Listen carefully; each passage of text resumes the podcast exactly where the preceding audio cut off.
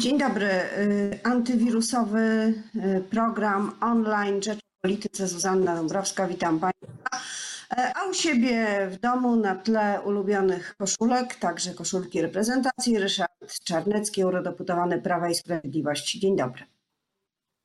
Y, Witam panią, witam państwa w czasach zarazy, ale pracujemy, jak widać. A kiedy ostatnio widział się Pan z Michelem Barnierem, negocjatorem e, Brexitu, głównym negocjatorem? Jakoś ostatnio? Y, Nie y, na tyle dawno, no ładnych kilka tygodni temu, że na pewno nie ma niebezpieczeństwa, że mnie akurat on zaraził. Choć byłem No w Brukseli do piątku, a jeszcze w zeszłym tygodniu w środę byłem w związku z ONZ-em, e, bo tam mieści się Europejska Siedziba ONZ-u w Genewie. W tym czasie w Genewie było dwa razy, ponad dwa razy więcej e, przypadków zarażenia e, koronawirusem niż w całej Polsce. Czyli ma Pan, licząc z piątkiem, dwa tygodnie, żeby siebie obserwować, patrzeć, czy ktoś z europejskich polityków e, mógł Pana tym e, wirusem uszczęśliwić. Pytam o to e, także dlatego, żeby dowiedzieć się, jak będą pracowały instytucje europejskie teraz. E, Jest szereg polityków europejskich na e, przymusowej lub dobrowolnej kwarantannie. Przymusowej e, pani kolega dziennikarz, zanim został politykiem, Dawid Maria Sassoli, szef Europarlamentu Włoch, który spędził weekend we Włoszech, ten poprzedni przyjechał, prowadził jeszcze obrady Parlamentu Europejskiego, a następnego dnia poszedł e, na kwarantannę domową i stamtąd, jak zapowiedział w komunikacie, prowadzi, kieruje e, Parlamentem Europejskim. Timmermans jest na kwarantannie dobrowolnej. E, e, e, Wiem o czterech, pięciu przypadkach osób zarażonych w e, instytucjach unijnych. Wiem do zeszłego czwartku o czterech ambasadorach Unii Europejskiej na kwarantannie. Byli to ambasadorowie e, Bułgarii, Grecji, Chorwacji, Finlandii. Zresztą byli w tym samym pomieszczeniu e, co jeden z ministrów konstytucyjnych naszego rządu na tym samym spotkaniu.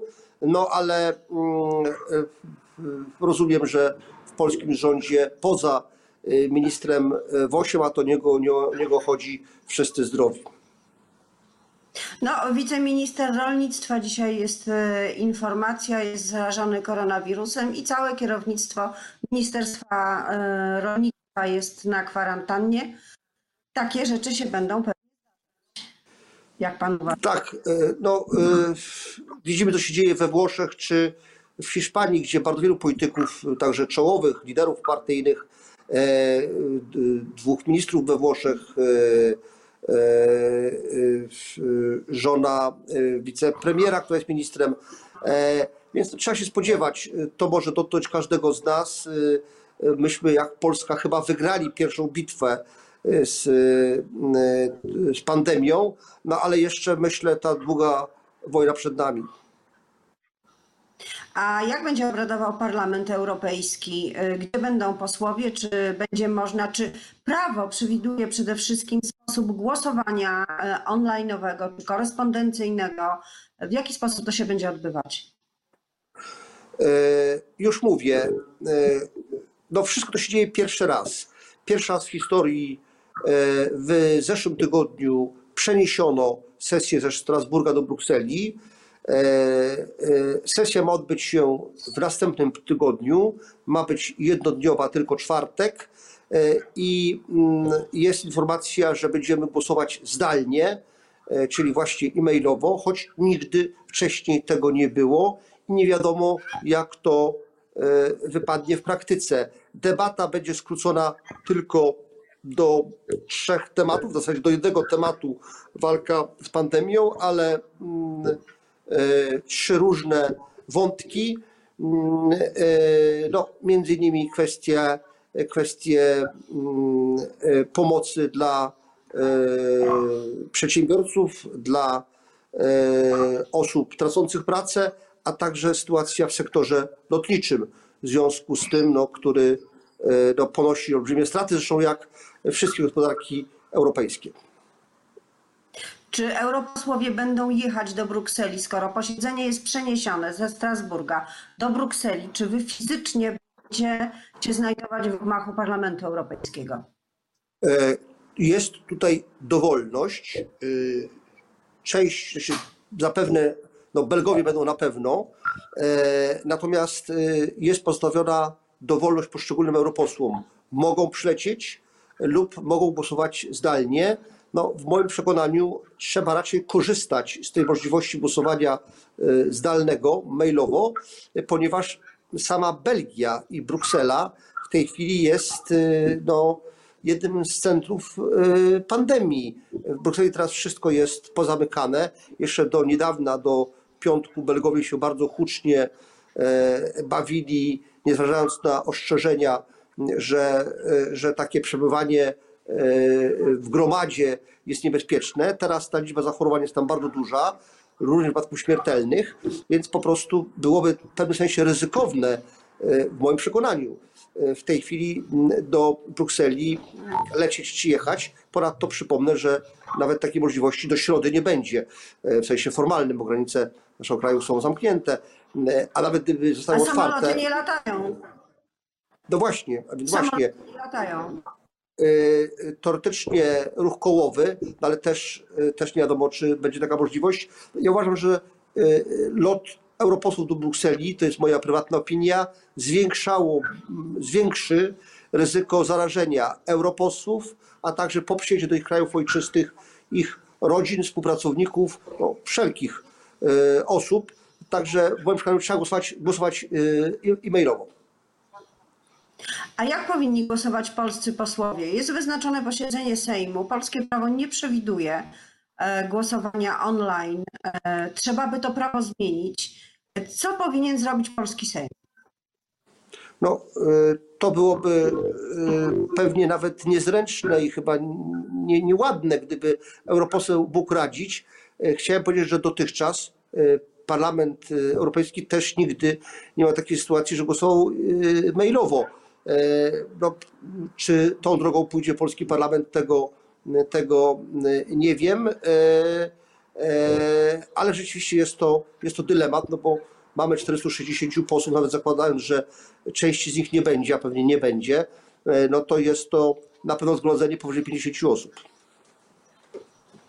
E, Jest przygotowany mm, taka propozycja, na razie dość szkicowa, pakietu pomocy przedsiębiorcom. Wszystkie państwa Unii Europejskiej takie pakiety e, przygotowują. E, W tych państwach, w które uderzył koronawirus mocniej, są to e, dziesiątki miliardów euro, to są ogromne sumy.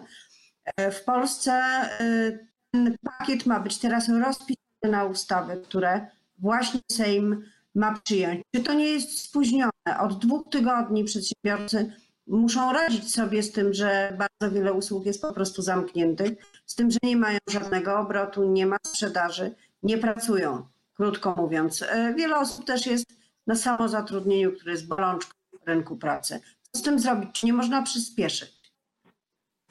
E, Decyzja polskiego rządu została ogłoszona e, kilka godzin czy kilkanaście godzin przed decyzją rządu naszego sąsiada Niemiec, a dosłownie kilka godzin po decyzji rządu Jej Królewskiej Mości Wielkiej Brytanii. Więc nie uważam, Ale że nie ma nie ma ustaw. Tak, e, natomiast e, na pewno e, tutaj słyszałem taką krytykę, że te kwoty są za małe. No, zwracam uwagę, że patrząc pod kątem siły nabywczej, to te kwoty są większe niż w Niemczech. Siły nabywczej, podkreślam, choć procent PKB oczywiście tutaj e, jest mniejszy i oczywiście wartość jest e, mniejsza, rzecz jasna.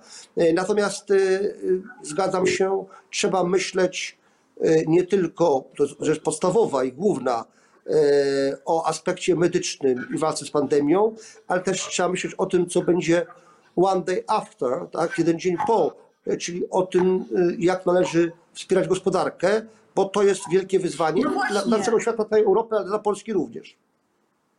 Panie pośle, one day after albo one week after przedsiębiorcy, którzy nawet nie będą e, musieli płacić ZUS-u przez trzy miesiące, będą musieli nagle zapłacić cztery składki, ponieważ te składki nie zostały umorzone, nie zostały skredytowane, nie zostały obniżone, tylko zostały po prostu zawieszone i nawet ta spłata nie jest rozłożona na raty później. Czy to jest dobre rozwiązanie?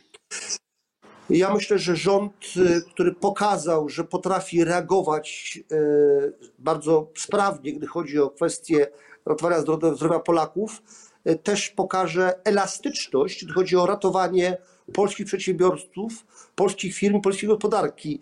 I myślę, że będzie reagował na sytuację właśnie tak, żeby no, tych przedsiębiorców realnie wspierać. Ja sam odbieram, przekazuję dalej postulaty polskich firm, e, naszych przedsiębiorców, którzy no, mówią o rodzajach podobnych, e, o których mówi Pani.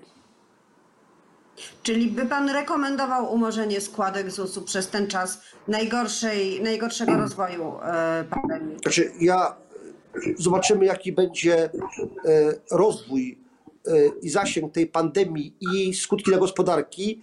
Ja spodziewam się, że to będzie długotrwała wojna. Ja nie wiem, czy należy podzielać e, analizy brytyjskich ekspertów, którzy mówią, że pandemia, koronawirus potrwa w Wielkiej Brytanii do wiosny przyszłego roku. Mam nadzieję, że tak nie będzie w przypadku e, e, kontynentalnej części Europy, w przypadku Polski, ale jeżeli pandemia potrwa dłużej, dla mnie jest rzeczą oczywistą, podkreślam oczywistą, że te ulgi dla polskich przedsiębiorców muszą być większe i myślę, że jest to absolutnie też intencją rządu, no, który jednak teraz reaguje w sposób adekwatny do sytuacji. W moim przekonaniu te ulgi, źródło światła dla przedsiębiorców będzie e, w większym stopniu zapalane.